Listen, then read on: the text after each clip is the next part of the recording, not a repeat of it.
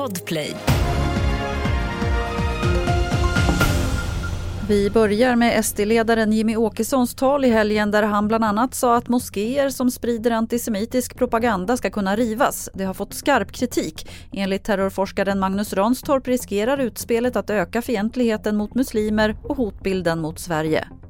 Jag tycker uttalandet eh, är onödigt, det är eh, kontraproduktivt. Eh, det blåser upp storleken på problemet och i princip kan man säga att Åkesson gör en höna av en fjäder det skapar polarisering, ytterligare polarisering i samhället. Sveriges poliser jobbar allt mer övertid. Förra året arbetade polisanställda fler än en miljon övertidstimmar. Det är en ökning med 34 procent jämfört med 2019 och det kostade skattebetalarna över 300 miljoner kronor enligt beräkningar som TT gjort.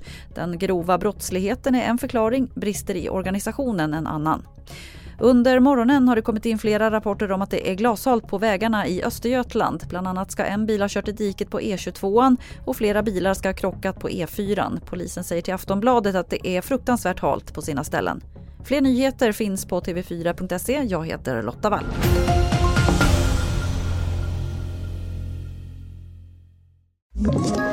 Ett poddtips från Podplay. I fallen jag aldrig glömmer djupdyker Hasse Aro i arbetet bakom några av Sveriges mest uppseendeväckande brottsutredningar. Går vi in med hemlig telefonavlyssning och, och då upplever vi att vi får en total förändring av hans beteende. Vad är det som händer nu? Vem är det som läcker? Och så säger han att jag är kriminell, jag har varit kriminell i hela mitt liv men att mörda ett barn, där går min gräns.